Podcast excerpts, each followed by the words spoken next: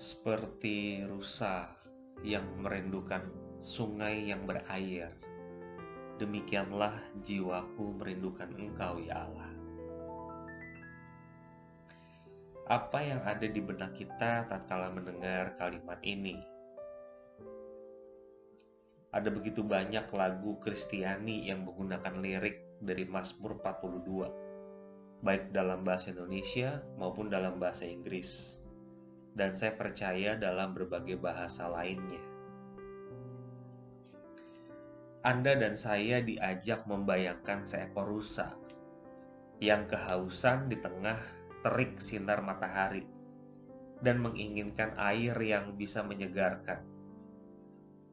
Sama seperti rusa, demikian juga jiwa kita yang penuh kegelisahan. Kita rindu kepada Allah yang transenden, sumber ketenangan. Kita butuh Allah untuk mendampingi hidup dan memberikan damai sejahtera. Situasi pemazmur pada saat ini bukanlah situasi yang tenang.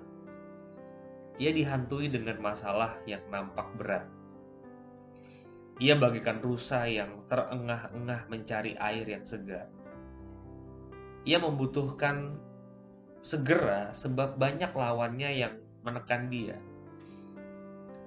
Perhatikan ayat 42 ayat 4 dan 5. Inilah yang hendak ku ingat, sementara jiwaku gundah gulana. Bagaimana aku berjalan maju dalam kepadatan manusia, mendahului mereka melangkah ke rumah Allah dengan suara sorak-sorai dan nyanyian syukur. Dalam keramaian orang-orang yang mengadakan perayaan. Mengapa engkau tertekan hai jiwaku dan gelisah di dalam diriku? Berharaplah kepada Allah, sebab aku akan bersyukur lagi kepadanya penolongku dan Allahku. Pemasmur rindu ke rumah Allah atau Yerusalem. Mengapa? Sebab pemasmur merindukan Allah.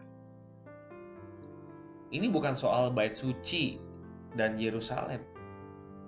Siapa yang ada di bait suci? Siapa yang ada di Yerusalem?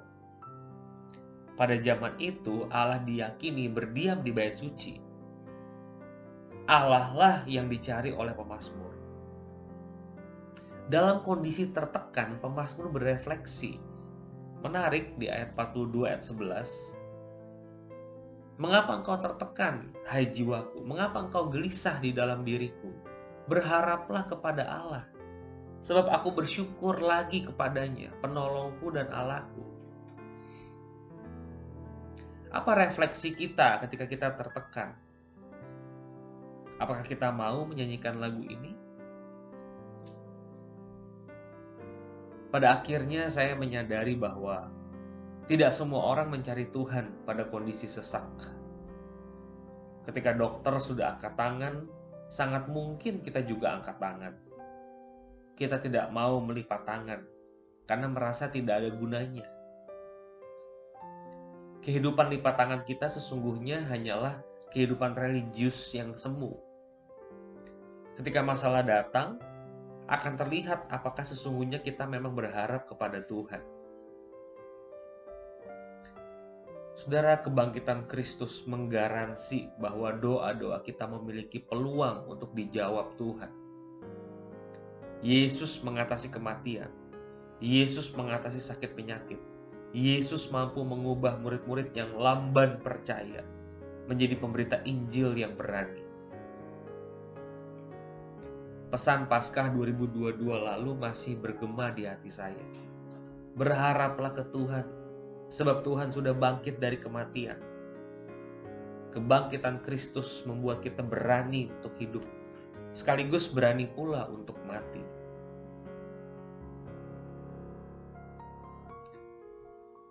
Tuhan, arahkan mata hati kami kepadamu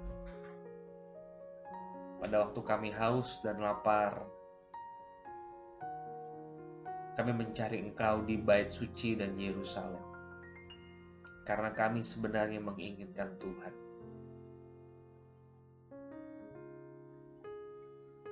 Dengar doa-doa kami Tuhan yang penuh kegelisahan. Biarkan kami ikut dalam kematian dan kebangkitan-Mu Tuhan. Merasakan kemenangan.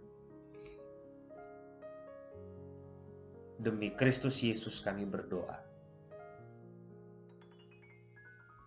Amin.